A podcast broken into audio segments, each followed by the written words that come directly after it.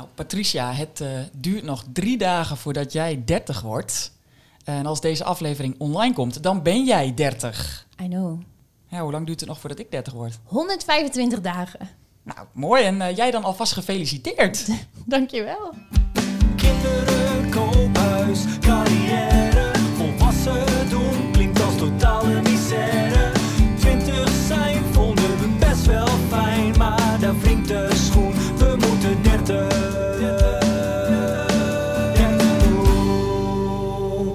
Hallo en welkom bij een nieuwe aflevering 30 doen. De podcast waarin Lilian en ik aftellen naar onze naderende 30ste verjaardagen. En allerlei onderwerpen bespreken die daar volgens ons iets mee te maken hebben.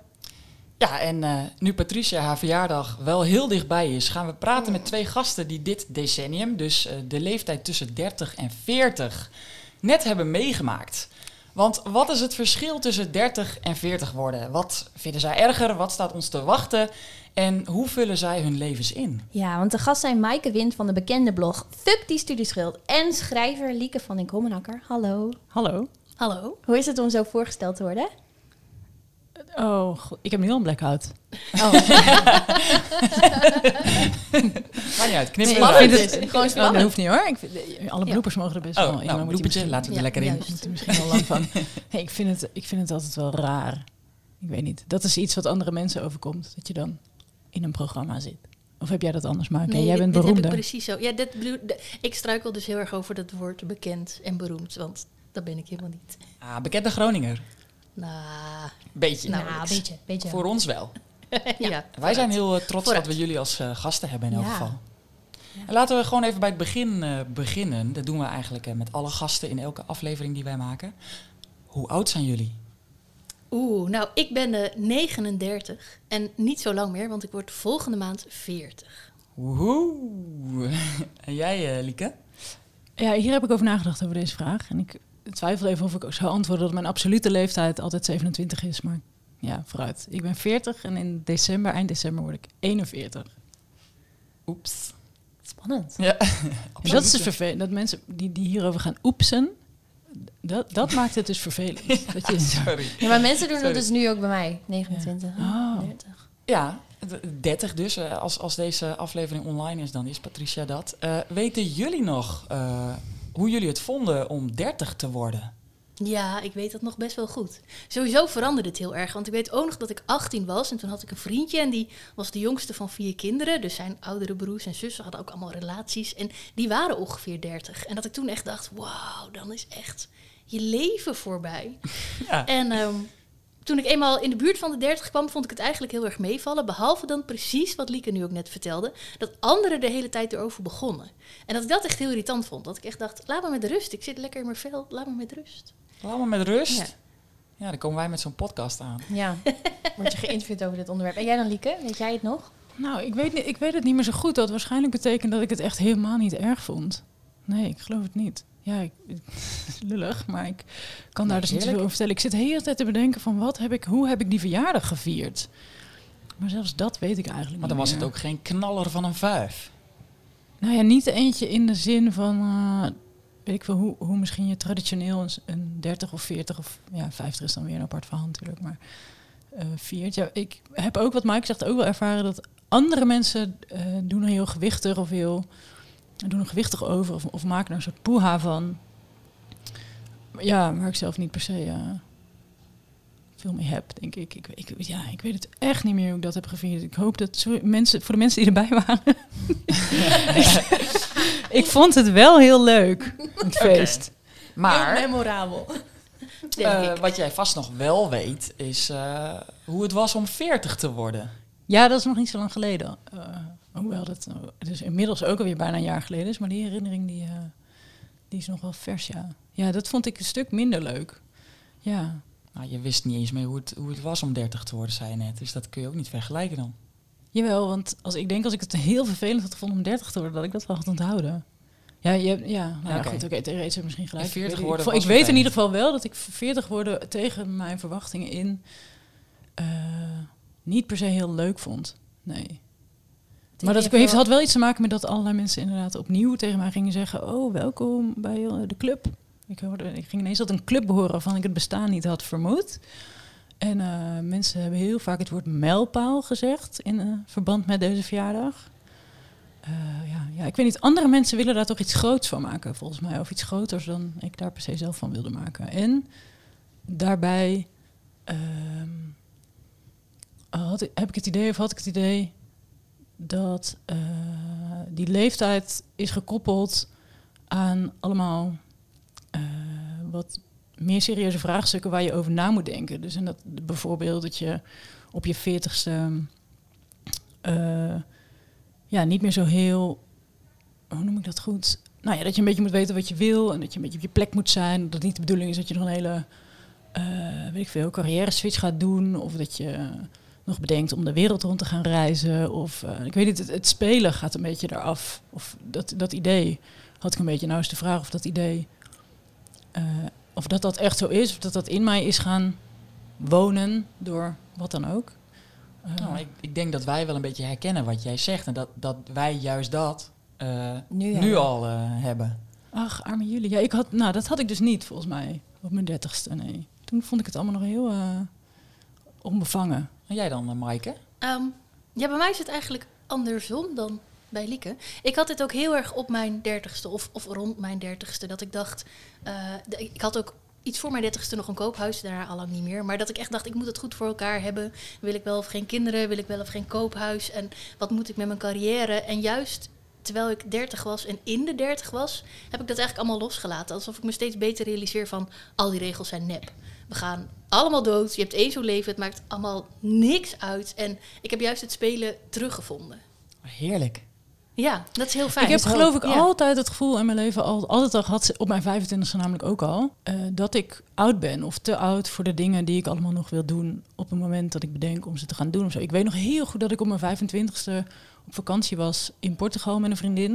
En dat was echt een heel erg leuke, eh, plezierige, lollige, lachen, gieren, brullen vakantie. En eh, toen kwamen wij allemaal mensen tegen van begin 20 en die waren dan drie maanden in eh, camperbusjes door Europa aan het reizen. En die reisden elkaar allemaal zo'n beetje achterna. En dat was een soort fenomeen. En wij kwamen er toen voor het eerst mee in aanraking. En toen dacht ik dus, ja, ik ben nu 25, deze zijn allemaal 20. Dat kan ik dus niet meer doen.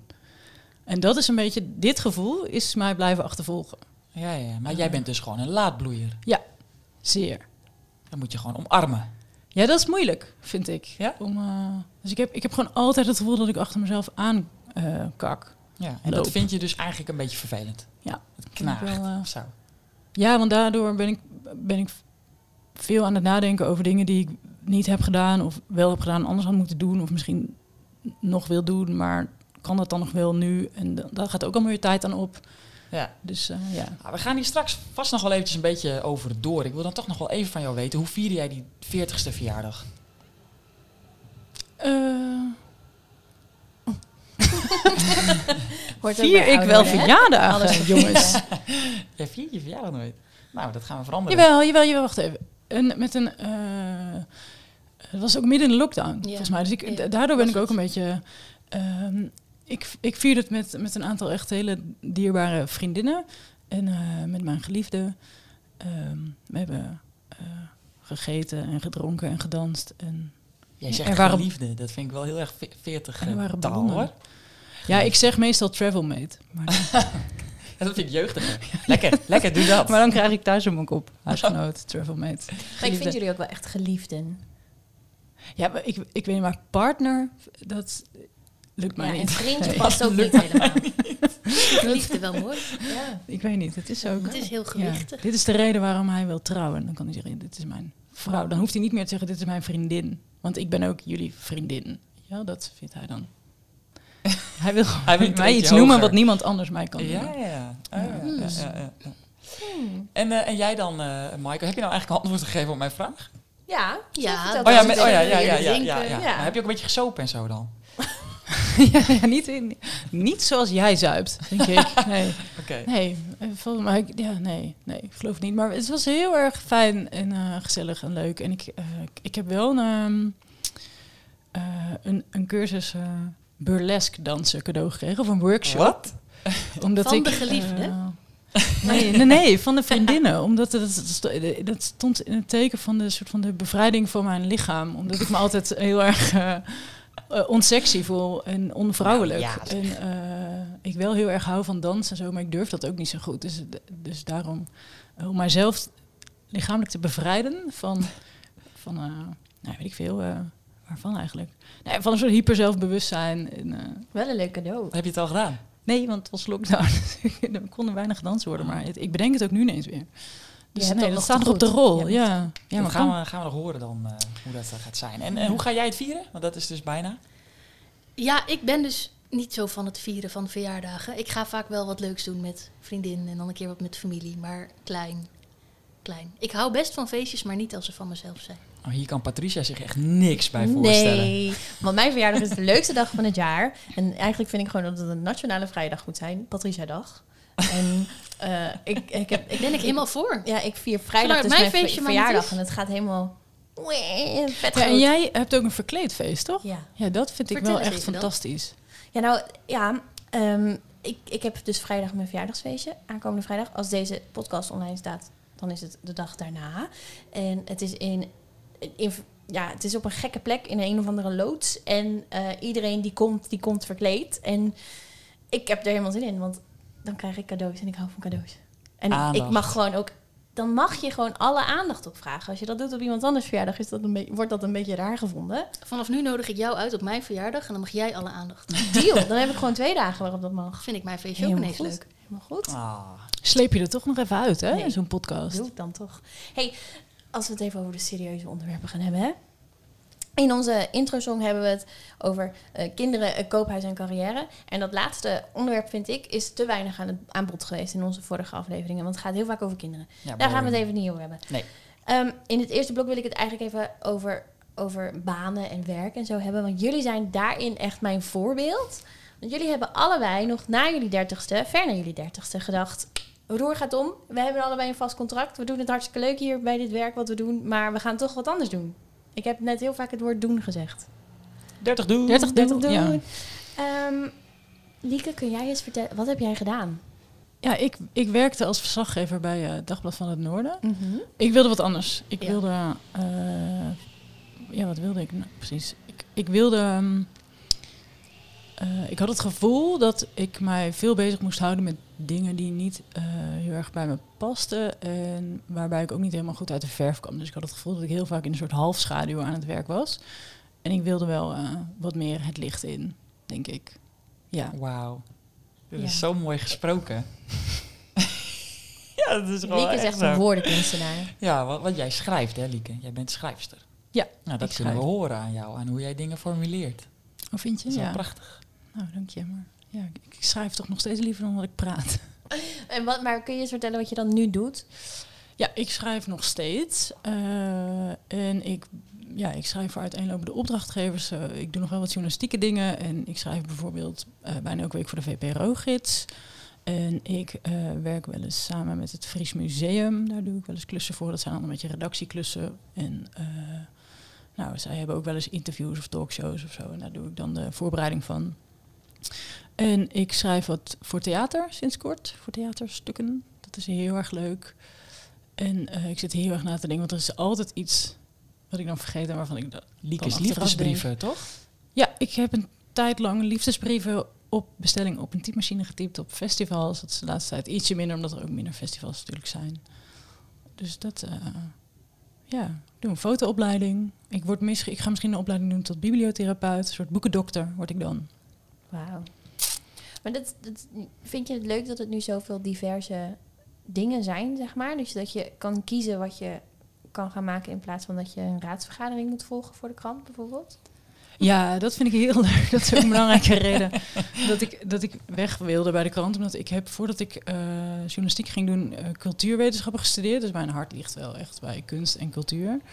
Eh, en de klussen die ik nu doe, zijn eigenlijk allemaal een beetje in die hoek. Dus dat past veel beter bij, nou ja, bij wie ik ben of bij wie ik wil zijn. Dus het verschilt een beetje per dag of ik het ben of dat ik het wil zijn. Maar En Maaike, jij bent ook iets anders gaan doen? Ja, dat klopt. Ja, vertel. Ja. Want jij Ehm, deed hetzelfde, hè? Jij werkte ook, ik net als ik, bij Dagblad van het Noorden. Als journalist bij Dagblad van het Noorden.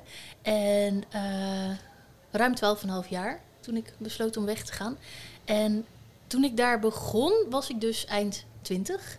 En toen was het echt mijn droombaan. En ik ben jarenlang echt journalist geweest. Dat het niet alleen maar mijn baan was, maar dat ik het echt was. En dat ik het heerlijk vond om super hard te werken. En ik wilde alleen maar promotie en nieuwe dingen leren en belangrijkere verhalen schrijven. En het was echt heel erg zo'n ego-ding. En ehm, Oh, dat had ik echt helemaal niet. Ik ook niet. ja, Ik nee, het was echt niet. ook, ik was vervelend vroeger. Dat, dat maar hoe ouder ik werd, op een gegeven moment merkte ik dat ik dat gewoon echt niet leuk meer vond. Ik was er veel te druk mee. Ik had altijd het gevoel dat ik haast had. Ik kon mijn werk nog wel doen, maar dan had ik heel weinig energie daarna voor andere dingen in mijn leven. En in theorie wilde ik dat dan wel een beetje veranderen, maar dat lukte me nooit. En ehm, ik baalde ook van.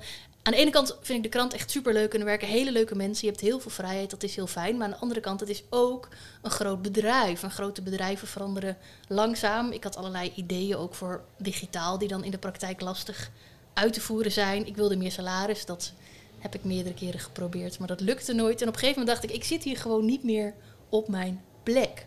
En het begon ook wel een beetje met... ehm, in het begin, ik kom niet zelf uit Noord-Nederland, niet uit Groningen. Dus in het begin was deze hele regio nieuw voor mij. Dus ik weet nog dat ik als verslaggever in het begin naar Zuid-Laren werd gestuurd. En dat ik echt dacht, Zuid-Laren?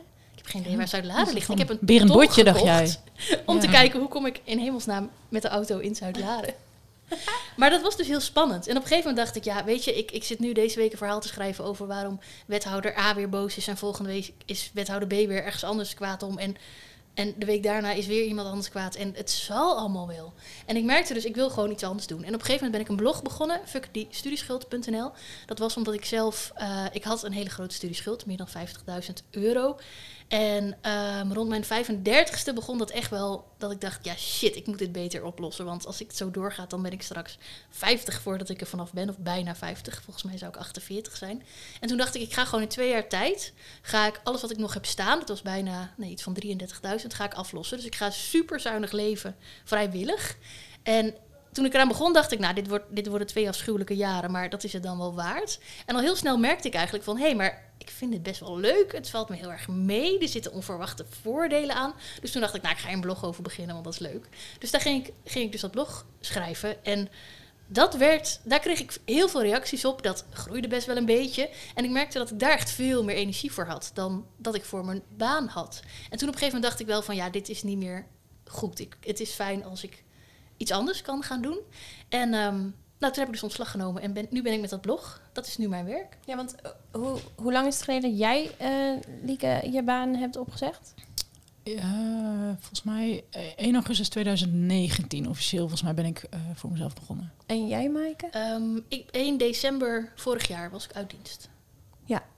Want voor mij, dit is iets waar ik zeg maar mee struggle nu dat ik bijna 30 word. Ik heb een beetje het idee dat ik nu, eh, nu dat ik volwassen ben over drie dagen, ehm, zou ik moeten weten wat ik ben en wat ik wil zijn en dat dit de carrière is. Maar jullie bewijzen eigenlijk dat zelfs als het daarna nog een beetje niet helemaal past, dat, dat het nog kan. Maar was dat eng? Was, was deze beslissing nemen, dat ging vast niet over één nacht. Dat je daar, nou, Een beetje ook weer wel. Nou, ik moet zeggen, ik heb het gedaan op het moment dat bijna mijn studieschuld was afgelost. En dat maakte dus dat ik in plaats van iemand met een enorme schuld, iemand was die ongeveer op nul stond. En doordat ik 12,5 jaar bij de krant had gewerkt, ging ik toen ik, toen ik wegging, kreeg ik ook nog een bedragje mee. Dus daardoor had ik voor het eerst een klein beetje geld. Dus ik dacht, ja, als ik het ooit ga doen, dan ga ik het nu doen. En ik dacht dus toch al wel, ik wil een keer weg. Dus daardoor was het eigenlijk niet zo heel eng. Het blijven was enger, laat ik het zo zeggen. Hm. Alsof je je dan dus neerlegt bij een situatie waarvan je weet dat je er niet heel blij van wordt, omdat je al 40? Nee, nee. Volgens mij kan ik op mijn 50ste. nog- Als je 50 bent, dan moet je nog steeds waarschijnlijk 17 jaar werken. Dat is ook nog op tijd zat Zo. om de boel om te gooien. Dat zeggen is dat Echt een lekker je lichtpuntje. elke Ja. vijf jaar moet je eigenlijk een beetje wat anders gaan doen, toch? eh, zeggen ze? Om een beetje... Ja, wie zijn altijd... Dat, is altijd wie zijn, Wie Alle zijn ze? wie zijn ze. ze? Alle Uit de regels zin, zijn dat zeggen ze. Ja, alle Ja, regels weet ik zijn nooit Ik vermoed dan Niks mensen die er een beetje voor geleerd hebben. Ja, Dat hoop je. ja. Dat hoop ik dan. Nee, je Ja. moet, je moet ik wil, ik wil heel graag een keer met ze om tafel. Want volgens mij werkt dat louterend voor mij. Ja, ja, ja. Ja, maar ik geloof er wel in dat je wel eh, af en toe gewoon voor vernieuwing moet zorgen om een beetje energiek eh, te blijven. Maar sommige mensen zijn juist heel blij als ze, zeg maar, die, die, die, die vinden het heel prettig om gewoon 60 jaar lang dezelfde baan te hebben. Dus dat is dan toch ook voor iedereen Ja, verschillend. het verschil is ook weer afhankelijk van je karakter, denk ik. Ja. Maar ook dan groeit misschien dan je werk ook een beetje met je mee. eh, misschien. Of, of denk je daar ook niet per se veel over na. Dat kan natuurlijk ook. Maar je, eh, je, je bent ook niet meer helemaal dezelfde als vorig jaar of twee jaar geleden of gisteren. Of, dus dat Ja. eh, Ja. het is wel goed om er af en toe het over na te denken, volgens mij. Om even, zoals laatst iemand tegen me zei, om even te kijken, staat eh, mijn ladder nog tegen de juiste muur? ja, Wauw, wederom prachtig gezegd. heel mooi. Maar vond jij het eng? vond ik het eng. Volgens mij was ik dat stadium op een gegeven moment al een beetje voorbij. Omdat ik ehm, echt dacht, als ik, als ik hier blijf, het, het, het knaagde aan mijn wezen. eh, dat, dat werk. Dus ik voelde me, eh, nou ja, wat Michael zei ook, niet op mijn plek. Meer, moet ik zeggen. Want ja, ook soms en vaak was het ook wel zo. En vond ik dat ik de aller, aller, allermooiste baan ter wereld had. Eh, dus bij mij was, was die golfbeweging steeds gaande. En dat was eigenlijk ook al wel zo eh, vanaf het begin. Want ik heb, ik heb nog nooit een raadsvergadering verslaan leuk gevonden. Maar misschien de, de allereerste in de gemeente Haren... waar ik een recensie van mocht schrijven van mijn toenmalige chef. Omdat hij wist dat ik zo van kunst en cultuur... en eigenlijk op de kunstredactie wilde werken. Zei hij, oh, weet je wat, dan maak jij maar een... ga jij de, de raadsvergadering maar recenseren. En dat is ook gelijk de het leukste... eh, nou ja, de leukste, het leukste raadstukje dat ik ooit heb gemaakt. Maar voor de rest, eh, ja, eh, werd ik daar wel echt ongelukkig van. Ehm, en in het begin deed ik het ook in Friesland, werkte ik voor Leeuwarden Courant. Dat is ook niet leuk. En eh, dat was heel erg leuk. Je jaagt Eh, al onze Friese. Oh ja, sorry. maar wat, dan had ik de gemeente Franeker in portefeuille. Dat betekende dat ik dan op maandagavond, mening was dat, dan zat ik in Franeker in die raad. En dat duurde dan tot na middernacht. En dan moest ik eerst nog de auto in. En dan moest ik terug naar Leeuwarden. Dan moest ik op de redactie die stukken tikken. Eh, want het was een middagkrant, dus dan heb je s'nachts, s ochtends, hoe, hoe laat was die deadline? Ik weet het. Maar in ieder geval moest ik dan na de raadsvergadering nog tikken. En dan moest ik daarna nog weer in de auto, in het donker, eh, naar Groningen rijden. En ehm, ja, ik kreeg daar. Ja, ik, ik, ik, ik, ik werd er een beetje naar van altijd. Dat ik dat. eh, ja, dat had niet echt een. Ik, ja, ja, nee. Ik werd er gewoon niet blij van.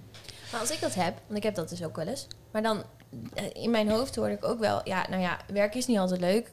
kies op elkaar, doorgaan. Je krijgt er ook flink voor betaald. Maar jullie hebben op een gegeven moment allebei gedacht, Ja, bij mij ging daar wel tien jaar overheen. En ik heb ook al die dingen gedaan en gedacht. En zo van, nou, ik ben nieuw op de krant. Ik ben nog jong. Nou ja, niet meer zo jong als toen jij bent. Ik was dus gewoon pas 30 toen ik daar begon. Ehm, of pas, al 30 toen ik daar begon. pas alsjeblieft. Pas, pas 30. Excuus. Pas 30 toen ik daar begon.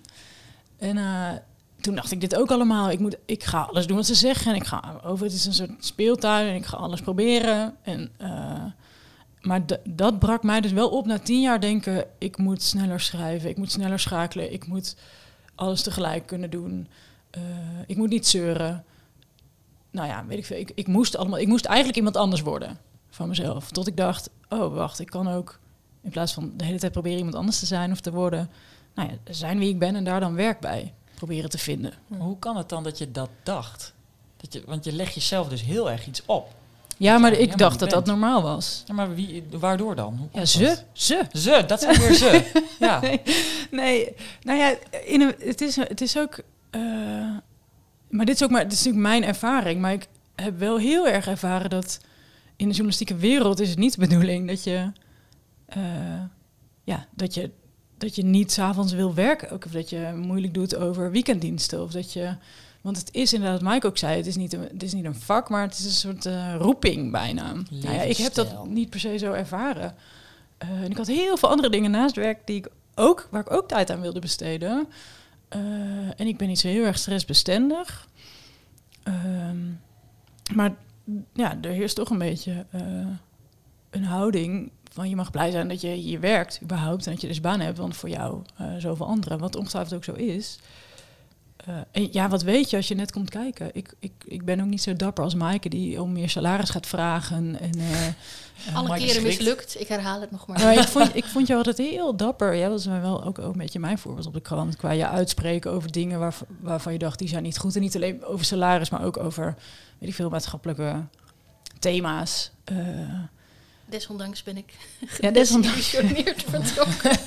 Juist ik was, daarom ik weet niet, ik was heel Nou, volgzaam Ja. en heel... eh, eh, ja, ik, ik, ik wilde ook gewoon mijn best doen. En ik eh, mocht ook heel veel honderdduizend leuke dingen doen. En ik had twee eilanden in portefeuille bij, eh bij de Leeuwarden Krant. Dat was fantastisch. Dus ik, ja, een heleboel dingen neem je ook misschien op de koop toe. En inderdaad, werk is niet altijd leuk.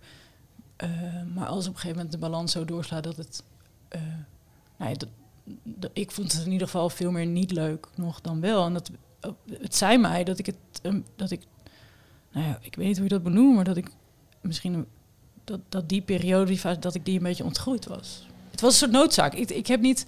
Oh ja, dat is... Jouw vraag was van, was het eng? Nou ja, dat Ja. was het eh, vast. Ik vond het heus eng, maar ik had niet het gevoel dat blijven een optie was. Dus dan eh, kom je in beweging. Ja. Eh, en of het dan eng is, ja. Ik heb hierover nog twee vragen. Eén is heel kort en één is heel lang, denk ik. Eh, de eerste is, zijn jullie nog steeds blij met de keuze die jullie hebben gemaakt? En de tweede, die zeg ik er maar gewoon over na, achteraan, dan kun je daar nog even rustig over nadenken. Hebben jullie adviezen voor mensen die op zoek zijn naar wat dan wel de jas is die hun goed past? Zeg ik dat goed, Lieke? Is dat poëtisch genoeg? Snap je wat ik bedoel? kan je nog wat alternatieven verzinnen? Nee, Nee. het is helemaal... Je, je zei het mooi. Ja. Dank je. Ik kan het ook. Hoor je? Ja, dat wist Dan ik ga ik al. ondertussen, want ik zit hier in mijn halve naakte nixie. Ik ga mijn trui weer aan doen, want ik heb het niet meer warm. Maar dan kunnen jullie antwoord geven. Laten we even met Maaike beginnen. Ja, ik ben nog steeds heel blij dat ik het heb gedaan. Al is alles best wel een chaos en een zoektocht. En moet ik mezelf de hele tijd opnieuw uitvinden. Tegelijkertijd was dat een van de dingen waar ik naar uitkeek. Zo van, ik wil iets doen waarvan ik niet weet dat ik het kan. Dus dat ik echt nieuwe dingen moet leren, mezelf ga tegenkomen. En dat ehm, gebeurt ook volop. Eh, en daarbij was het natuurlijk een raar jaar met de lockdown. En het was gewoon allemaal extra ingewikkeld. Maar ja, ik ben heel blij. Het leven is zonder baas. En dan ben je inderdaad bij de krant eigenlijk verwend. Want je hebt heel veel vrijheid bij een krant. En toch is geen baas hebben zo fijn. Mhm, Jij bent nu Dus het is baas. voor mij wel echt een, eh, een goede beslissing. En wat, wat, wat, sorry, maar wat, wat eh, doe jij allemaal? Even voor de luisteraar. Ja, nou, wat ik doe, het is best wel eh, een rommeltje dus. Ik heb dus een blog, daar schrijf ik nog steeds stukken voor. Ik heb een Instagram, daar deel ik van alles. En daarnaast heb ik nu twee trainingen, aflostrainingen, waarbij ik mensen dus nou, ja, gewoon met een cursus help. Daarnaast doe ik een klein beetje één op één coaching erbij. En ik word ook best wel eens gevraagd voor eh, lezingen geven. En eh, dan heb ik ook af en toe nog gewoon een journalistiek verhaal, meestal over geld tegenwoordig, dat ik schrijf. Dus het is echt heel erg een beetje van alles wat. En als de maan niet uitkomt, dan ga ik ook nog heel fanatiek van alles op marktplaats zetten. Dus ik ben echt, eh, ik ga alle kanten op. Ja, lekker eigenlijk. ondernemend. Ja, nou dat is het. Ja. Ja. ja. De tips. Heb je nog Oh ja, advies? tips. Ja, Ja. nou ja, ik vond dit zelf dus ook heel lastig. Wat moet je doen als je het niet goed weet? Ik zou sowieso zeggen, volgen waar je blij van wordt. Al is het maar als hobby. Dus als iets wel goed voelt... En dat je daar ook wel op jezelf mag vertrouwen. Want ik herken heel erg wat Lieke net vertelde van bij de krant. Ja, weet je, voor jou tien anderen. En je moet maar blij zijn dat je er werkt. En dat voelde ik eerst ook heel erg. Van oké, dit is echt, ik heb een vaste baan. Op een gegeven moment had ik bij de onderzoeksredactie. Vond ik heel tof. En dan dacht ik echt, ja, ik kan dus nooit meer weg. En op een gegeven moment begon ik het steeds minder leuk te vinden. En toen dacht ik, ja, maar weet je, als er voor mij tien anderen zijn. Ik ga eigenlijk niet meer met heel veel plezier hier naartoe. Alsjeblieft, laat dan een van die tien anderen Ja. doen. Want dit is gewoon zonde Dit En- dacht ik ook, ja. Dan is het dus toch, denk ik, je kunt op jezelf vertrouwen. En als, als je kijkt van, is het nou dapper dat ik het gedaan heb? Nee, vijf jaar eerder wist ik ook al wel dat ik het wilde. Als ik het toen had gedaan, dan had ik dapper gevonden. Terwijl nu heb ik best wel lang afgewacht totdat het, nou, met mijn studieschuld weg. En dat ik echt helemaal wist van, oké, hier ligt mijn toekomst niet. Dus je zou kunnen zeggen, dat is een beetje, nou ja, lafjes is het misschien ook nog net niet, maar een beetje misschien toch. Dus volgen wat je leuk vindt. Ja, doen wat je leuk vindt en vertrouwen. Als je echt de hele tijd denkt, wat ik nu doe is niet goed, ga gewoon stoppen, ga gewoon wat anders doen. Ga desnoods een tijdje eh, in een heel ander baantje, weet ik veel, ga, ga in een koffietentje werken. Er, er komt wel wat. Vertrouw op jezelf en ga dingen doen waar je blij van wordt. Goeie. Jij nog toevoegingen, mevrouw?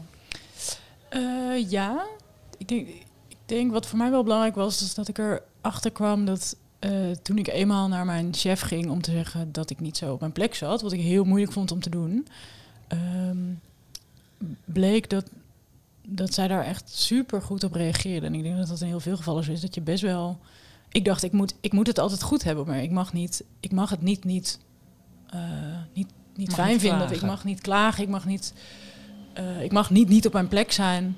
Eh, nou ja, want al die dingen die net al voorbij zijn gekomen. Het is zo'n leuk werk. eh, het, is een heel begeerde plek.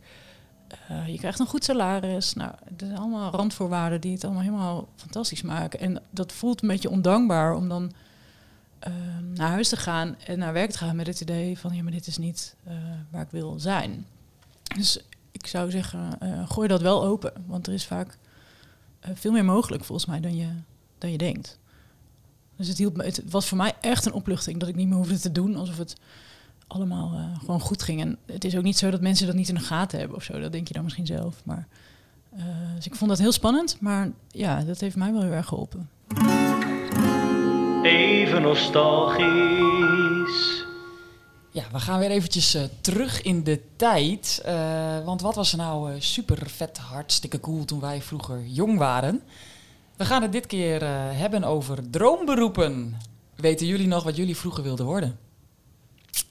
Ja, ik geloof dat ik als, als klein meisje wel graag dierenarts wilde worden. Maar dat had echt niks te maken met dat ik dat heel graag wilde worden. Maar volgens mij wilde iedereen dat worden en wilde ik het daarom ook worden. zo. Ze wilden dat worden. Ze, daar heb je ze. Ja, men wilde dat worden. Dus jij ook. Ja, en Maaike? Ja, ik wilde dingen ontwerpen. Ik heb heel lang gedacht dat ik architect wilde worden. En eh, later dacht ik meer eh, planoloog, steden ontwerpen. Dat wilde ik ook worden, binnenhuisarchitect. Maar hoe, hoe oud ben je dat je dat wil worden? Eh, architect op de basisschool. Ik heb heel veel tekeningen van hotels en grote huizen en allemaal dingen nog die ik vroeger getekend heb. En toen ik iets ouder werd op de middelbare school, toen had ik op een gegeven moment bedacht ik wil aardrijkskunde studeren, want dat is mijn lievelingste vak ooit. En toen kwam een grote teleurstelling dat aardrijkskunde geen vak is op de universiteit, maar verdeeld is in wel tien verschillende studies. Dat wist En, ik helemaal eh, niet. Ja, ja, ik ben uiteindelijk antropologie gaan studeren. Een van de vakken die bij aardrijkskunde hoort. Maar je hebt zeg maar dat je dingen met het weer kunt gaan st- studeren. Of geografie of nou, planologie dus. Het is van alles bij aardrijkskunde wat nou ja, allemaal verschillende studies zijn. Dus meer op de middelbare school dacht ik, ik ga voor eh, planologie. Sociale geografie, zoiets. Ja. En, en jij dan, eh, Patrice?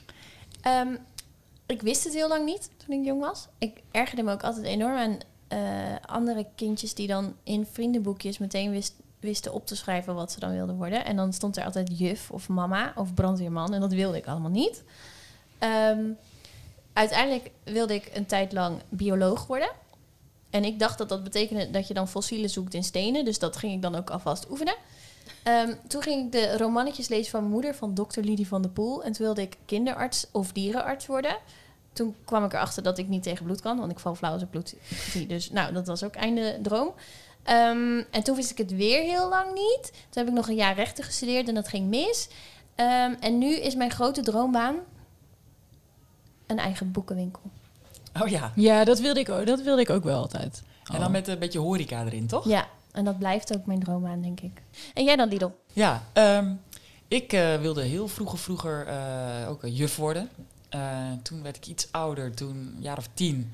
Toen was ik er heilig van overtuigd dat ik eh politiehondentrainer zou worden. Wauw, specifiek. ja. Ik dacht dat dat een beroep was. Dat blijkt niet echt zo te zijn. Je hebt wel bij de politie ook mensen die die politiehonden trainen, maar die zijn dan ook gewoon iets, iets anders. Gewoon agent of zo. Dus dat had wel gekund. Had ik gewoon agent moeten worden. Maar mijn buurmeisje en ik, eh, eh, wij keken altijd, eh, het- hoe heet het ook weer, dat, dat eh eh, baantje-achtige programma met zo'n herdershond. Commissaris. Commissaris Commissaris Rex. Rex. Dat keken we en, en nou, die hond vonden we echt super vet. En toen dachten we, ja, wij willen die hond trainen. Wij willen politiehondentrainer worden.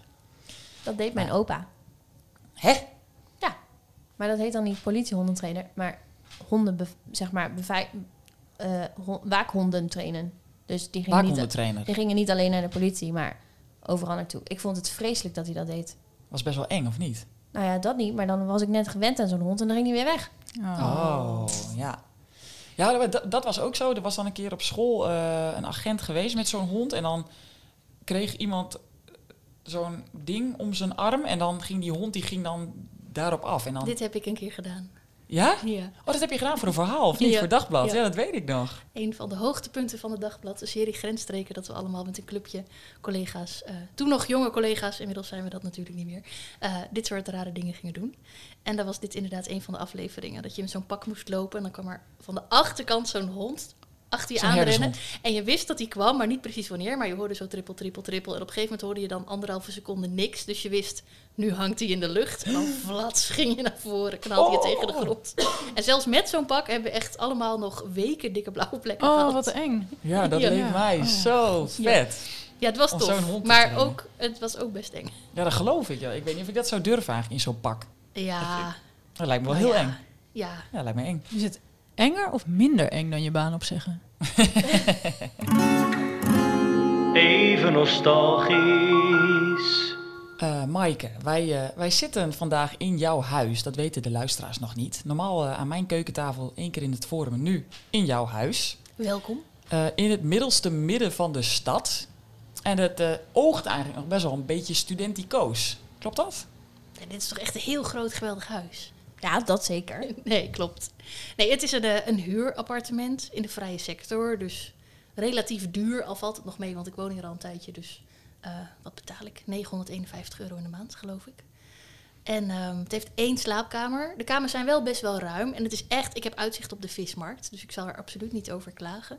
Balkon erbij. Maar het is, het is niet een heel groot huis wat je misschien voor een veertiger verwacht. Koophuis met tuin en zo. Nee. Nee. Maar jij voelt je hier senang. Ja, ja. Het is natuurlijk deels ook door de omstandigheden. Want eh, ik heb dus ooit een koophuis gehad. Maar op mijn dertigste ging die relatie uit. Koophuis weg. Ik had toen nog een enorme studieschuld. Er kwam nog een extra schuld bij door dat huis. Want de prijzen zijn nu allemaal heel gunstig. Maar dat was destijds niet. Was midden in de economische crisis. En ehm, ik heb het financieel dus heel lang niet zo slim aangepakt. En de laatste paar jaar ben ik heel goed bezig. Maar goed, het is dus niet dat ik ineens een huis kan kopen. Maar het feit dat ik mijn baan heb opgezegd, zegt ook wel iets. Want als ik heel graag een huis had willen kopen, had ik gewoon nu bij de krant moeten blijven werken. Dan had ik wel weer een nieuwe hypotheek kunnen krijgen. Maar ik dacht echt, nee, eh, zuinig leven heb ik nu al geleerd. Vind ik niet zo erg. Ik blijf hier lekker wonen en eh, ik kies voor de vrijheid. Dus ik ben wel een beetje aan het dromen van, nou, wie weet waar ik over vijf of tien jaar eens een keer woon. Maar voor nu, ik hoef niet per se een groot huis. En midden in de stad vind ik heel lekker. Ja. Eh, want jij woont hier niet alleen. Nee, Jij woont hier met ik woon hier met een peuter en een poes. een peuter en een poes. Kun je ze eventjes introduceren? Eh, ja, ik heb een zoontje, Joren. Die is bijna 2,5 jaar. En eh, nou, die poes is net op je schoot gesprongen. Die eh, heb je gezien. Ik heb een, ik heb een klein katje. Oké. Nou, we gaan hier zo even verder over door. Maar bij 30 worden, vinden wij, komen er ineens allemaal keuzes op ons af. We hebben het gevoel dat we aan een bepaalde checklist moeten voldoen. Hebben jullie dat gevoel ook wel eens? Gehad, zeker. Maar nu helemaal niet meer. Ik heb dat dus echt allemaal losgelaten. Al die dingen dat je denkt, dit moet, denk ik inmiddels van... Yo, het, je hebt echt zomaar één leven, nee, niks moet. Zodra iets moet, dan, dan ga ik al een paar stappen achteruit, zeg maar. Dus een Dus- koophuis, dat hoeft. Nee, dat hoeft absoluut niet. Nee. Waarom moet dat? Nee. Je moet kijken of je het een beetje naar je zin kan hebben in je leven. Dat is handig. Zelfs dat hoeft niet, maar dat is handig. Wel, het maakt het wel ietsje Ja. lekker. En ik zit, ik zit nu ook echt zoveel lekkerder in mijn vel dan tien jaar terug, toen ik juist nog wel een koophuis had. Dus nee, dat is echt niet een checklist die ik eh, helemaal niet, nee. Hoe is dat eh, Nee. voor jou, eh, Lieke? Nee, ook niet, geloof ik niet. Nee, niet echt in de vorm van een checklist. Ik denk wel dat ik lang... ehm, en nog steeds wel dat ik... Dat ik het wel lastig vind om echt helemaal niks aan te trekken van wat dan misschien de norm is. Of eh, waarvan ik denk dat het zou horen. Eh, maar wel, ja, ik trek me daar ook wel steeds minder van aan. Maar dat kost wel eh, kracht en energie en denkwerk. Ja. En als we het, eh, het woord checklist even vervangen door een soort van maatschappelijke druk, norm. Ja, ik geloof wel dat ik, dat ik, dat ik eh, druk ervaar. Maar ik, Er loopt een poes eh, over mijn panel. Mikey. Ik probeer er weg te duwen, maar ik ben bang dat ik dan juist alle microfoons ga aanraken. Dus ik zit hier echt wel mee te doen. En he's gone. Ga verder. nou ja, of ik druk ervaar. Ja, ik, ik, ervaar die geloof ik wel eh, onbewust. En ik, ik betwijfel dus of dat druk is die van buiten komt... of dat een druk is die ik toch mezelf eh, onderweg ergens ben gaan opleggen... en dan alsnog komt die waarschijnlijk deels van buiten. Eh, ja, want ja. we hebben het dus heet het over die ze. Maar, maar is, zit die ze niet ook gewoon in onszelf of zo? Is die ze Ja. niet een? Kom Zijn wij, ben ik dat niet gewoon zelf? kom er even uit. ja, nou, dat is wel... Dat, dat is een goede vraag. Nou, en ik ben ook gewoon niet zo heel erg opgegroeid met het idee dat er... eh, met het idee van...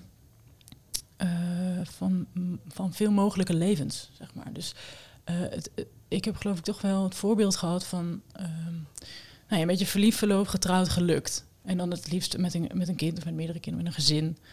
Dus ja, je, je groeit op en op een gegeven moment ga je ja, ja, wel of niet studeren. En dan ga je aan het werk en ergens onderweg ontmoet je dan een liefde. Eh, nou, dan ga je dan mee samenwonen en mee trouwen of niet mee trouwen. Maar in ieder geval eh, deel je daar dan een huis mee. En dan waarschijnlijk eh, komen er kinderen en krijg je een gezin. Nou, en dan ben je Dan is af. het af. Ja. Ja. En ik heb al die dingen heel lang niet gedaan. Geen van deze dingen. Geen koophuis, geen kinderen, geen relatie. Ik heb heel lang geen relatie gehad. Nu sinds een paar jaar wel, maar dat, is, dat was daarvoor eeuwen geleden. Eh, dus ik, ik ben me wel al heel lang bewust van het feit dat ik, dat ik niet mm, dat pad volg waarvan, nou, wat misschien nog steeds het meest eh begaanbaar, nee, niet bega- begaan, hoe zeg je dat? Het meest genomen Gebaande, pad, de meest gebaande. genomen afslagen, zeg maar. Ook al komt er nu veel meer ruimte, gelukkig, voor andere vormen om je leven in te richten. Maar ik wou dat ik dat als, als, als kind en als tiener, dat ik daar meer voorbeelden van had gehad, denk ik. Ja. Had ik mezelf wel gegund, in retrospectief. Want dat is een mooi voorzetje, dat doe je, dat doe je goed. Want een, een pad wat niet een echt een gebaande weg is, is het pad dat jij hebt gekozen, Maaike, met Joren. Wil je daar iets over vertellen? Of vertel Ja, hoor. daar liever niet over? Eh, nee hoor, nee, daar, wil ik, eh, daar wil ik best wel wat over vertellen. Ik herken sowieso heel erg wat Lieke hier vertelt. Ik wilde ook zo graag dat ik andere voorbeelden had gehad. Ik kom uit een klein christelijk stadje en ik, ik weet niet beter dan dat iedereen ook dit gaat doen. Tot en met trouwen en dan kinderen krijgen en dan netjes en dan een koophuis en een tuin. En, en dat is echt zo niet wat bij mij past. En dat is denk ik ook iets waarom ik nu veel lekkerder in mijn vel zit dan tien jaar geleden. Want toen moest ik me daar nog helemaal aan ontworstelen. En toen dacht ik ook nog dat het raar was of erg was dat ik al die dingen niet wilde of dat het echt niet bij mij paste. En inmiddels voelt dat zo veel fijner dat ik daar gewoon vol voor ben gegaan. Ehm, ik ben bijvoorbeeld echt op mijn best als vrijgezel. Ik hoor in mijn eentje. Ik ben zo echt. Dit, dit is zoals ik hoor te zijn. En het is voor mij dus niet zo van, oh ja, een plan B wat ook wel goed afloopt. Nee, dit is echt mijn glorieuze plan A. En dat heb ik echt pas ontdekt nou, toen ik eenmaal in de dertig was. En ik kende ook gewoon niemand die dat zo had. De mensen die ik kende die vrijgezel waren, die waren een beetje zielig. Die waren overgebleven. Zo werd er over gesproken waar ik vroeger vandaan kwam. En dat er dus mensen zijn die daar vrij, vrijwillig voor kiezen en die dan een heel fijn leven hebben, dat heeft mij ook zoveel nou, mentale energie gekost om dat voor mezelf. Nou, eerst voordat ik het door had en daarnaast dat ik daar vol voor durfde te kiezen. En vervolgens had ik dus ook nog bedacht, ja, maar ik wil wel graag moeder worden. Dus dat ga ik dan alleen doen. En dat is ook best wel een grote stap. Dus ook dat was nog weer zo van, oh, is net mijn omgeving er een beetje aan gewend dat ik blij ben in mijn uppie. Ga ik weer de volgende ongebruikelijke stap zetten. Dus ook dat ehm, was best wel een proces. En dat ik echt iemand moest worden die dat dus vol overgave ging doen en durfde. En dat durfde te vertellen.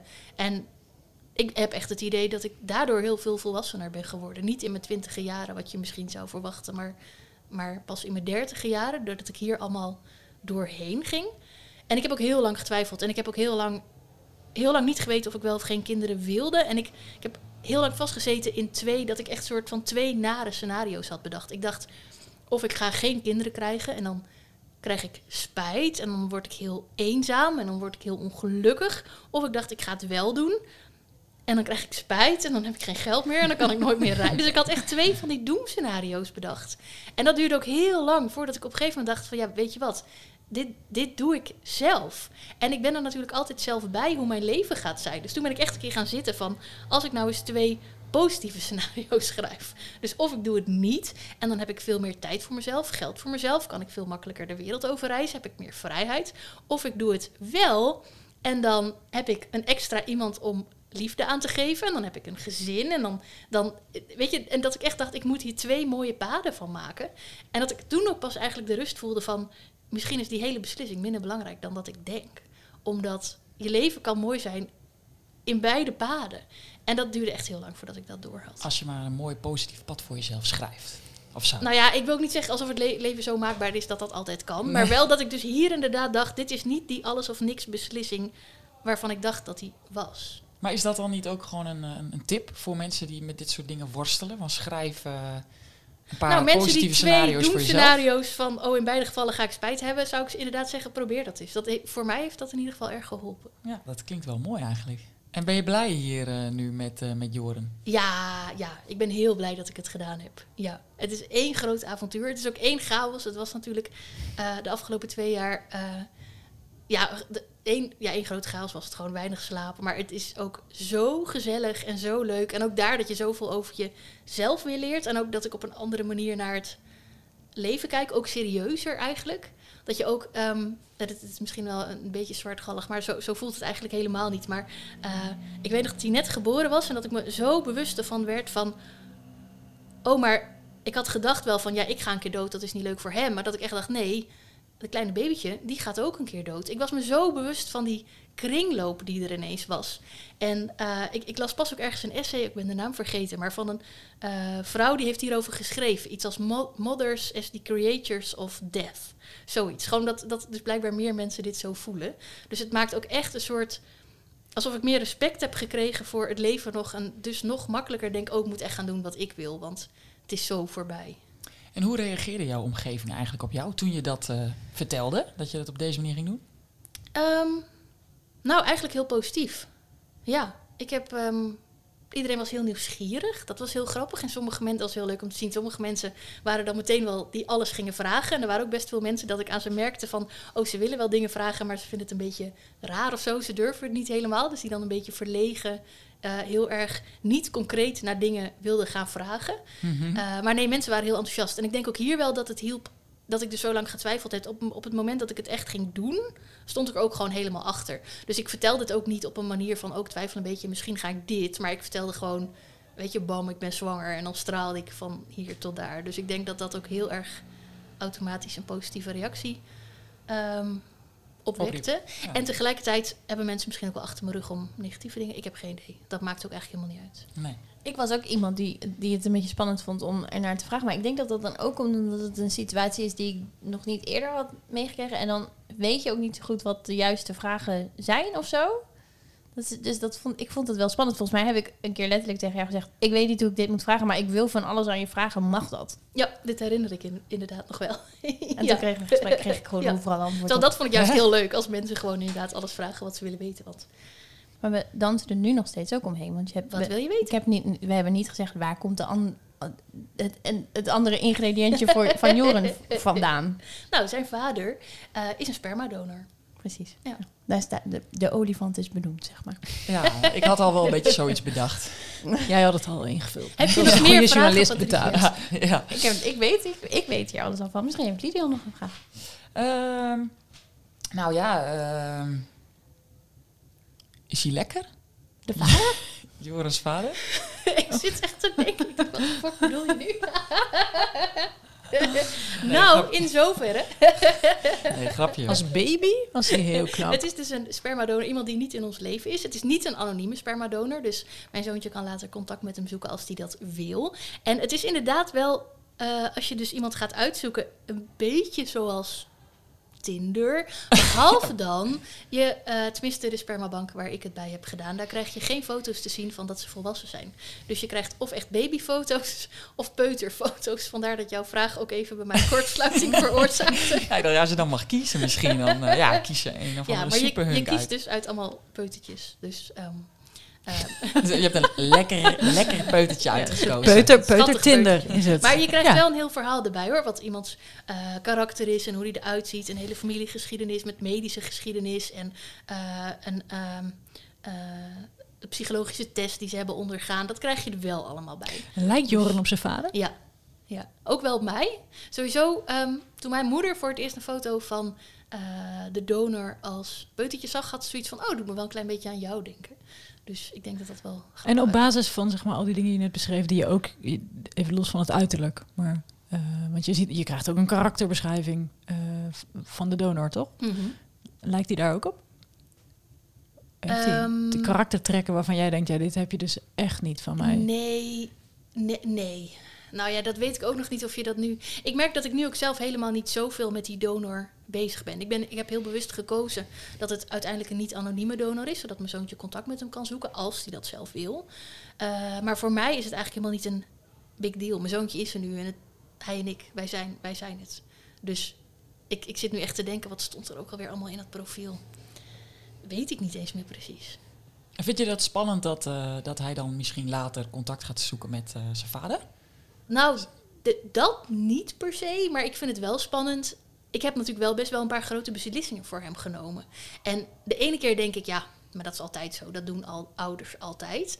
En de andere keer denk ik wel van, oeh, wauw, ik heb inderdaad wel iets heftigs voor hem besloten. En dat kan hij mij ook heel erg kwalijk nemen. En daar ben ik wel heel erg mee bezig. Van oké, hoe moet ik dat goed doen? Want hij heeft bijvoorbeeld alle recht om dat mij kwalijk te nemen. Dus dat ik daar wel heel erg mee bezig ben. Van hoe kan ik hem daar zo goed mogelijk bij helpen? En dat voelt wel als een grote verantwoordelijkheid. Sowieso voelt een kind als een grote verantwoordelijkheid. Ja, dat, dat, is het natuurlijk ook. Hebben jullie nog uh, tips of wijze woorden, adviezen? Nou ja, dat, dat mensen onbedoeld... Uh, of tenminste mij wel eens vragen stelden in de trant van... Uh, heb je nou nog steeds geen verkering? Zonder dat ze door hadden dat dat best een vervelende vraag kan zijn. En op een gegeven moment ben ik die terug gaan stellen. Dus dan zei ik, nee. En jij, ben jij nou nog steeds bij Paul? en dat hielp wel. Dat, uh, ja, dat, ja. Dus, dat is een goede tip. Ja, het is niet echt een tip, maar ik moest er ineens gewoon weer aan denken. Dat die, dat, wel een goede dat die, ja, maar, uh, maar is het, die gesprekken is het echt die je dan zo hebt. vervelend? Is het echt, want is het ook niet een beetje van, ja, mensen zeggen dat, ja, want, want, want het, het is nou eenmaal een beetje de mainstream dat, dat, dat, dat je uh, een, een, partner krijgt en dan een kind en een huis en die carrière. Dat is inderdaad gewoon een beetje hoe het. Nou, het vervelende eraan volgens mij, of in ieder geval in mijn, wat ik er vervelend aan vond, laat ik het daar dan gewoon bij houden, uh, is dat het de vanzelfsprekendheid, uh, waarmee dus de, blijkbaar is het de bedoeling dat je verkering hebt. Dus, er zit, dus het suggereert dat als je dat niet hebt, dat, dat, uh, nou ja, dat daar iets is misgegaan. Uh, eigenlijk. Ja, ja. Dus dat, dat vind ik er wel uh, berot aan. Ja.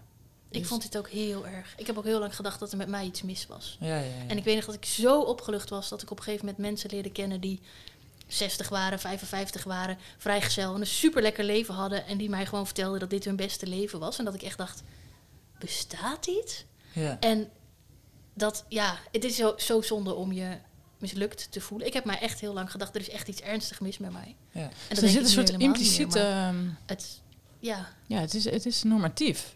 Maar dit geldt dus voor, voor heel veel mensen natuurlijk. Tenminste, er zijn vast veel meer mensen die het ook anders zouden willen doen, misschien wel. Maar dan inderdaad zich een beetje een kant op gedrukt voelen. Wat zou dan jullie advies daarvoor zijn? Hoe kunnen we dat veranderen of ervoor zorgen dat dat makkelijker wordt? Dat, ja, wat hadden jullie graag gehad? Ja, rol, jullie hadden het net al over voorbeelden. Dat jullie wilden dat je andere voorbeelden had gehad. Maar waar dan? Op school of zo? Of in het gezin? Ja.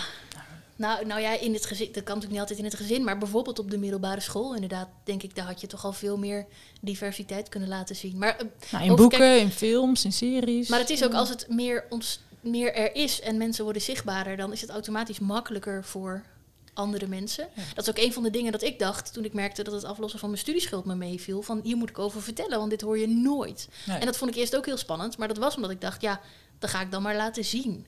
En Ja. ik denk dat zo andere mensen die mij hebben laten zien van ja, je kan helemaal dolgelukkig in je uppie zijn, dat ik dat weer heel goed kon gebruiken. Dus alleen al je eigen nou, verhaal toch leven, daar kun je denk ik anderen heel erg mee helpen. Ook al neem je zelf voor je gevoel maar een heel klein stapje, dat toch iemand anders kan denken, oh wauw, zo kan het ook. De dit moet je doen voor je dertigste challenge.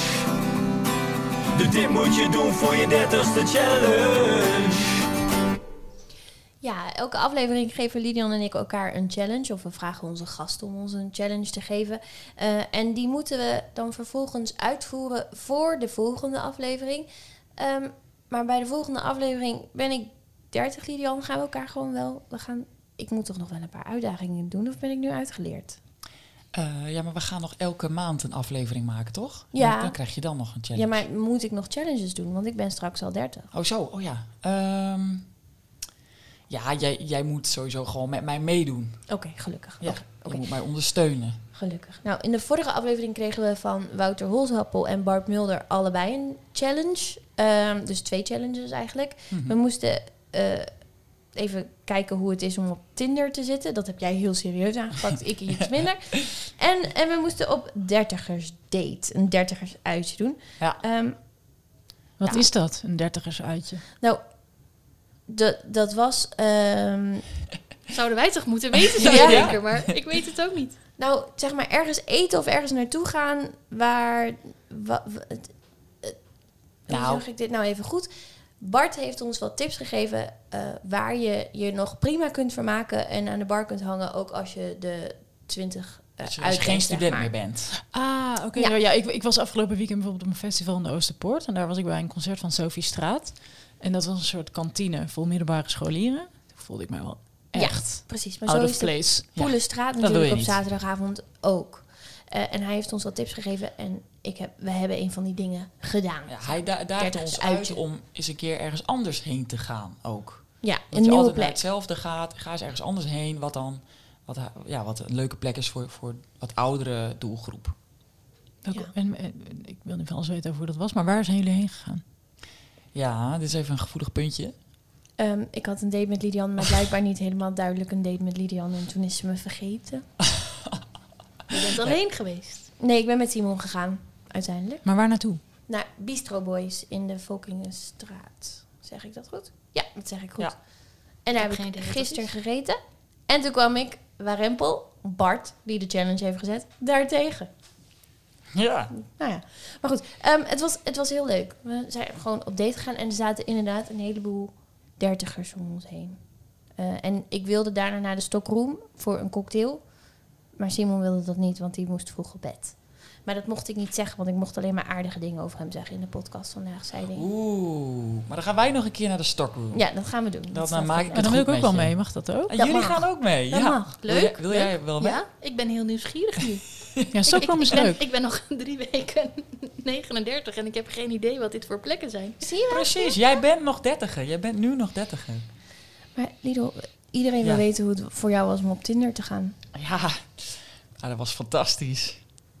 Heerlijk. Heb jij matches? Tuurlijk heb ik matches. Heb jij er ook mee gekletst? Nou ja, ik, ehm, Hoeveel matches? ik, ik had... ehm, Wanneer vertelde je dat je geen vrijgezel was? ja, ja ik, dat moest ik in mijn profiel zetten. Ik had, eh, of we hadden regels. Jij hebt het ook gedaan, hè? Ik heb het ook gedaan. Ik vertel ja. het zo wel even. Ja, we hadden regels. We moesten een eh, nou, profieltje aanmaken. En dan in ons profiel zetten dat we wel eh, een vriend hebben. Maar dat we gewoon even op Tinder zaten om rond te kijken. Want Wouter zei, ik hou niet van bedrog. Het moet wel even duidelijk zijn dat jullie, ja, dat, dat die mannen niks van jullie kunnen, kunnen, kunnen, dat er niks te halen valt, zeg maar. Of juist wel? I- Ja, dat weet je nooit. Zo zou ik Of hem zo? opvatten, geloof ik. Nou ja, in elk geval, dat stond dus in mijn, eh, in mijn profiel, dat ik een vriend heb. Ehm, en ik had, eh, ik had eh, de leeftijd had ik, ingesteld van eh, 28 tot en met 40. Dat was ook even zo'n dingetje dat ik dacht, ja, wat zal ik doen? En toen bedacht ik dat. En toen schrok ik daar eigenlijk van dat ik dus Heel dat mijn max dus 40 is. Dat klinkt dus echt vet oud. Maar je minimum is dan niet 20. Ik ben 29, dus ik dacht, nou, een jaartje jonger vind ik nog wel oké. Eh, en liever ouder. Ja, ik val wel echt op wat oudere mannen. Oh Ja, mijn, mijn eh, geliefde is zes jaar jonger. Is dat... eh, Och, liefde. dat is zo lang jij dat. Ja, hoe, geliefde. hoe zou je dat... Mijn vriend? Mijn vriend. Mijn Ja, vriend. mijn- mijn- ja. ja, ik zeg dus wel altijd voor de grap partner, maar omdat ik dat ook gewoon zo'n kut, kutwoord vind. Partner. Je metgezel. Mijn, ja, mijn levensgezel. Maar goed, eh 28 de, tot en met Teamleader 40. noemt hij zichzelf ook wel in ons huishouden. Teamleader. De, ja, de teamleader. Oké.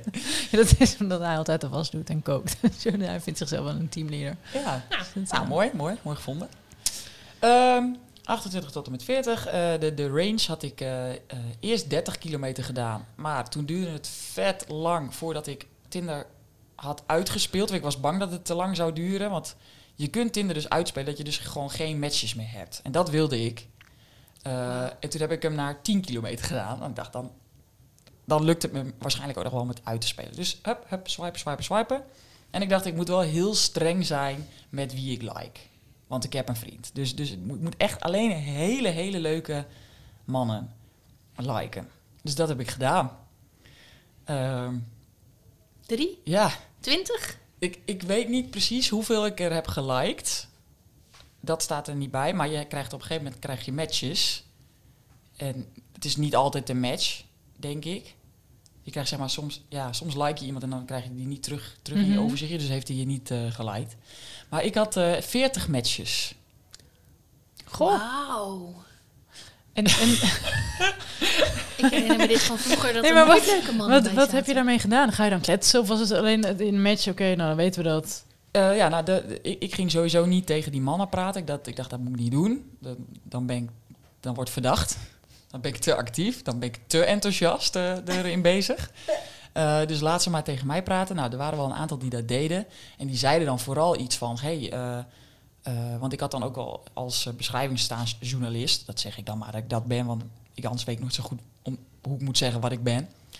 Uh, en... Uh, toen vroegen ze van, ja, ben je research aan het doen of zo? Of, ja, sorry, ik ben even in de war. Hoezo? Je hebt een vriend en wat doe je hier? En dat soort vragen kreeg ik wel. Dat vond ik wel heel leuk. Dan ging ik wel gewoon even uitleggen wat ik deed. En dan ging ik ook uitleggen dat ik dus een podcast heb... waarbij ik deze challenge had gekregen. En dat vonden ze eigenlijk allemaal super grappig. Dus uh, dat was eigenlijk wel heel positief. Iedereen reageerde echt heel leuk. En sommige mensen zijn zelfs de podcast gaan luisteren. Dus, hallo nieuwe luisteraars. Hallo nieuwe luisteraars. heb je ook afgesproken met een van deze matches? Met je. Nee. Dat is heel raar. Nee, nee. Ben je in de verleiding gekomen? Um, um, ik, ik, zou het best wel, ik zou het best wel leuk vinden. Ik dacht wel van, nou, als, ja, ik zou dit best wel leuk vinden. Tinder, is, dat past wel bij mij. Ik vind het wel prima, ik vind het wel leuk om even zo'n beetje zo'n gesprekje aan te gaan. Dat vind ik niet moeilijk. Sommige mensen vinden, vinden dat moeilijk, hè, om dat te typen. Dat vind ik juist wel leuk, om ook op die manier een beetje... Jij vindt dat nu ook moeilijk, want je nagels zijn te lang. Zeg maar gewoon, hoor. klopt. Ja, dat klopt. Je, dat lukt niet meer. Nee, maar dat, dat, dat lijkt mij wel een mooi avontuurtje, ja. Kijk, ik, ik heb al uh, negen jaar een relatie, dus uh, dit was voor Elke mij, vijf uh, jaar wat anders, hè, zei je net. Ja. Carrière dan. Zeggen ze wel. Zeggen ze. Ja, zeggen ze. Ja, ja, ja. ja. Nee, maar... Uh, ja, ja, als ik, ja mij, ik denk dat ik dat wel leuk had gevonden. Tinder. Maar ja, maar, maar ja. ja. ja. helaas ben ik gelukkig in de liefde. ja, nee, maar ja, ik zou wel al dat soort dingen in mijn leven eigenlijk geprobeerd willen hebben. Staat er nog op je telefoon? Ja, ja, ik, ja ik, ik, ik heb ook een type, heb ik ontdekt door Tinder. Een type? Ja, ja. ja want ik, ik heb gewoon allemaal hetzelfde soort uh, mannen eigenlijk. Ja? Kijken. Uh, ik ga hem dus nu straks er wel afhalen. Uh, ik doe het even zo, ja? Ja, okay. even, even swipen. Kijk, die bovenste dingetjes. Ja, ik vind het wel klein. Kleine foto's. Ja, maar ik, ik, ik, wil ze ook een beetje privé houden. Ik hoop niet dat jullie nu namen gaan, gaan nee, zeggen nee. en zo. Er waren ook mensen die, die zeiden van, kom ik nu in je podcast? ik zei, oh, ja. rustig, rustig. Rustig, broer. Kijk, dat is mijn vriend. Nee. kijk, kijk, zie, zie. Uh, ik heb mannen met haar en een baardje. Donker haar en een baardje. Zie? Mm, mannen met haar. Ja. Oké. Okay. Zie, zie? Ja. Je omschrijft nu mijn vriendje. Ja, die vind, ik, die vind ik ook heel leuk. Ik wil wel even eigenlijk dichterbij dan kijken of ik, of ik iemand ken. Nee. Dat lijkt me zo leuk. J jij wil stiekem ook op Tinder. Ik zie het aan jouw gezicht. Ik Tinder heel graag voor, uh, voor vriendinnen of vrienden. Ja, nee, vind ik, ik leuk. heb ook wel heel erg gelachen om, om sommige profieltjes. Ik had vandaag nog eventjes één die, uh, die had iets instaan van... Uh, ik verkoop de Satisfyer 2.0 beter dan mezelf. En die werkte bij Easy Toys. Wauw. En voor de mensen die oh. het niet weten, de Satisfyer mm. is een seksspeeltje. ja, die oh. schijnt echt uh, fantastisch te, te zijn. satisfyen. Mm. Die schijnt behoorlijk te satisfyen. Had je ook matches? Uh, nou, uh, ik, heb, ik heb dus ook Tinder geïnstalleerd. En ik vond het eerst al verschrikkelijk dat je een of ander keuzemenu moest aangeven over waar, waar je dan naar op zoek bent. Toen dacht ik al, weet ik veel waar ik naar op zoek ben. Ik ben niet echt op zoek. Um, en ik deed dit terwijl wij... Ik was met Lilian en nog twee andere vriendinnen uh, cocktails aan het drinken. En dus ik dacht, nou, ik ga even dus een beetje swipen. En toen swipte ik per ongeluk, gaf ik iemand meteen al een super like. Dus ja, ik, dacht, ik nou, ook. Dit gaat, helemaal, dit gaat helemaal de verkeerde kant op. Dus nou, een beetje zo kijken. En toen dacht ik, dit is eigenlijk helemaal niet leuk. Want misschien heb jij wel een hele rare stem. Of misschien ben jij wel helemaal niet zo groot als dat hier staat. Want mensen zeggen, ze zetten ook hun lengte erbij en zo. En Dat is goed, want dat, dat, dat dacht ik nog wel. Ja, want jij dat bent zou voor mij echt lang. een probleem zijn. Kijk, de helft van deze matches, dat gaat natuurlijk nooit werken, want die zijn sowieso kleiner dan ik ben. Dat zou voor mij nog wel een dingetje zijn. Dus dat ze dat erin zetten, niet zeggen dat het niet gaat werken? Ja, tenzij Ja, jij jawel, dat want dus ik wil een wil. grotere man. Oké. Dat is mijn vereiste. Ja. Oké. Ehm, en toen stonden we, nou, ik denk een uur later in de Twister. En toen stond daar bij de bar, je hebt hem volgens mij ook gezien, een man die net had geswiped. En die zag mij ook, dat zag Was ik. dat de super like? Dat, dat volgens mij wel. De- de- die, die stond daar dus, zeg maar, bij de bar. En ik zag hem zo zijn maatje aantikken en zo, zo doen, knikken. En toen dacht ik, ja, nu zul je zien. Ik, ik val helemaal tegen van die profielfoto. En hij denkt, nou, dat is, dat is cool. En allemaal negatieve gedachten kwamen op. Ik dacht, dit is helemaal niks voor mij. Ik heb Tinder direct weer verwijderd. Heb je het zo kort gedaan? Ja, Wel of niet gepraat met de super like? aan de nee, helemaal niet. Nee, ik, ik had dacht, ik snap nu hoe de app werkt. En ik merk ook meteen dat dit niet de manier is waarop ik mannen zou willen ontmoeten. Ik ben veel leuker gewoon in het echt. Ja, maar dat is ook zo. Maar ik ben op zich ook wel gewoon leuk in het echt. Nee, maar als in, ik ben ook op mijn best in het echt. In plaats van via een beeldscherm. Nou, Lydia Ja, was ik een natuurtalent met Tinder, heb ik net in de telefoon gezien. Ze zijn echt allemaal hetzelfde. Ja, echt hè? Echt, 40 op een rij. Ja, ja, ja maar dat, kijk, ik heb ook in een podcastaflevering gezegd dat Enrique Iglesias mijn droomman is. Ja, dat zag ik net. Daar swipe ik op. Oh ja, oh god, ik zou niet meer weten hoe die man eruit ziet. Nieuwe, Ja, nieuwe challenge. Een nieuwe challenge. Oh ja, maar dan ging het een half geleden. Ja, we Dus hadden de- het over challenges. Ja, nee, ik bedenk me net opeens dat, eh, dat, dat mijn vorige relatie heb ik gekregen via Twitter. Maar goed, dat is een ander verhaal. Ehm, Ja, die challenge, volgens mij, ja, we challenge. hadden wel, we, we bedachten iets, waar- of tenminste, Maaike die bedacht iets en waarvan ik ook al had gedacht van dat is leuk, maar ik weet nog steeds niet zeker of jullie het al ooit gedaan hebben. Ik heb je vanmiddag gevraagd welke challenges hebben jullie al gehad en toen typte hij van alles en niet dit, maar volgens mij heb je hem toch wel gedaan omdat Bertus Hieronymus heeft volgens mij, wat heeft die voor jullie voor de challenge sterren gegeven? kijken. Oh wel, oké. Nee, dan in dat geval, eh, ja, wij doen voor allebei dezelfde challenge, toch? Dan Leuk. Ja. is dat jullie. eh, Maar jullie kunnen hem niet samen doen. Oeh. Nee, dat is het hele. Nou, handig, want dat Eigen lukt ook weten. niet Nee, elke keer. nee dus. Lidian heeft het veel te druk. Maar jullie gaan iets alleen doen, iets spannends. Dus ik weet niet wat voor jullie spannend is om alleen te doen, maar bijvoorbeeld alleen uit eten of alleen op stap. Of eh, Dat is de challenge. ja. Iets alleen doen. Ja, maar nou ja, niet winkelen. Ja, het dat- het dat- moet wel iets zijn wat je spannend Iets vindt wat en je wat je normaal met z'n tweeën alleen eh, doet. Met, bijvoorbeeld wat je normaal met je vriendje doet, eh, dat ga je nu alleen doen. Ja, Patricia heeft al een beetje wel zo'n challenge Oh, gehad. wel, toch wel. Eh, Namelijk alleen uit eten. Oh nee, Eh, uit- lunchen. alleen lunchen. Ja. Oh ja, zie je. Nee, dan, Oh, dan zat hij er wel al bij. dan ja, die ben ik. Maar we hebben even alternatieven bedacht. iets anders verzinnen. Nee, we hebben toch al, Oh ja, we hadden iets anders. volgens mij hebben we over twee alternatieven zelfs gehad.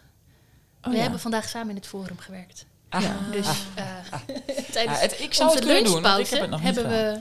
Nou, dat vind ik hem eh, voor jou sowieso leuk. Oh ja, Ja, kunnen we hem splitten alsnog. Dat kan Ja. ook. Dat kan Welke ook. twee hadden we? Nou, we hadden volgens mij dit, in het verlengde hiervan dachten we, we kunnen ook als deze al is geweest, dat je ehm, nadenkt over als je niet dit leven zou leiden wat je nu leidt, welk leven zou je dan leiden? En dan een dag als je andere ik door het leven gaan. Ah, Dan ga ik wel op Tinder date.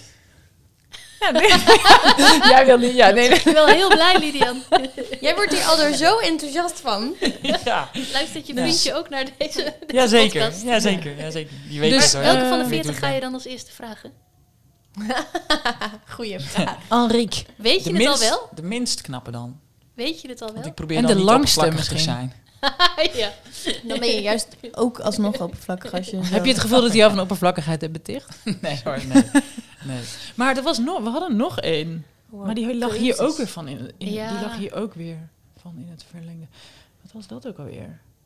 ja, ik denk dat ik op een gegeven moment een idee had. Maar als ik, nu, ik, ik kan het nu al niet eens meer goed vertellen, want het was een beetje een vaag verhaal. Maar meer als wat ik zelf vroeger wel had. Dat ik het idee had dat ik nog van alles aan mij moest verstoppen. Omdat als ik helemaal mezelf zou laten zien, dat was too much. Hm. En dat voor mijn gevoel van 30 naar 40 groeien heel erg dat loslaten was. Hm. Vandaar dat ik dacht, misschien kun je een dag echt helemaal als je ultieme zelf leven. Totaal uitbundig, niks tegenhouden. Precies de kleren aandoen die je eigenlijk aan zou willen doen. Maar, maar dat je toch denkt, ja, dit is wel een beetje veel. Dit kan niet naar werk of zo. De, gewoon al die dingen helemaal uitbundig doen. Ja, dus dat je een verstopt deeltje van jezelf daar naar voren laat komen. Dan doe ik hakken aan. Oeh, dat zou ik dus nooit, dat doe ik dus nooit. liever Maar zou je, niet. dat zou je wel willen. Ja, dat vind ik fantastisch. Ja.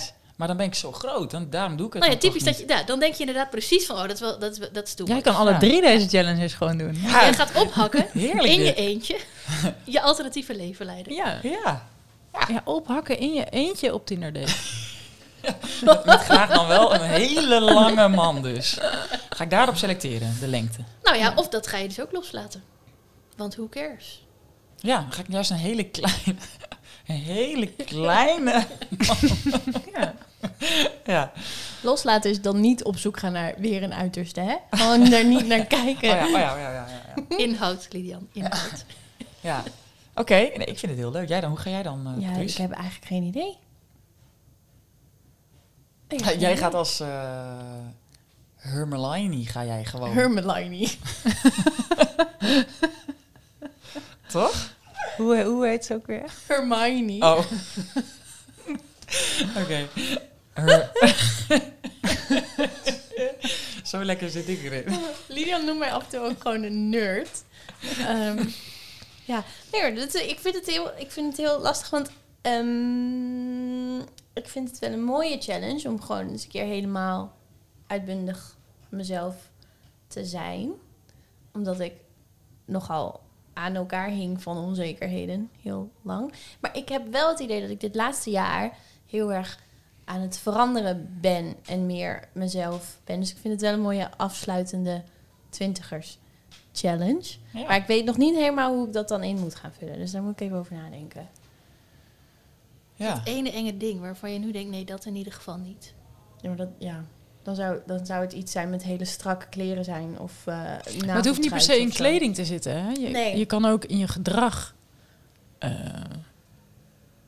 iets doen wat je spannend vindt. Misschien is er wel iets op je werk. Je stelt voor dat dat je het je- commentaar gaat schrijven. Bijvoorbeeld. Mm, Maar dat moet, ja, maar het moet dan toch niet misschien wel iets zijn wat je eigenlijk wel stiekem wel ook zou willen, toch? Ja, precies. Oh, dus dus ik dat- ga, ik ga hier even over nadenken. Ik weet het nog niet. De dit moet je doen voor je dertigste challenge.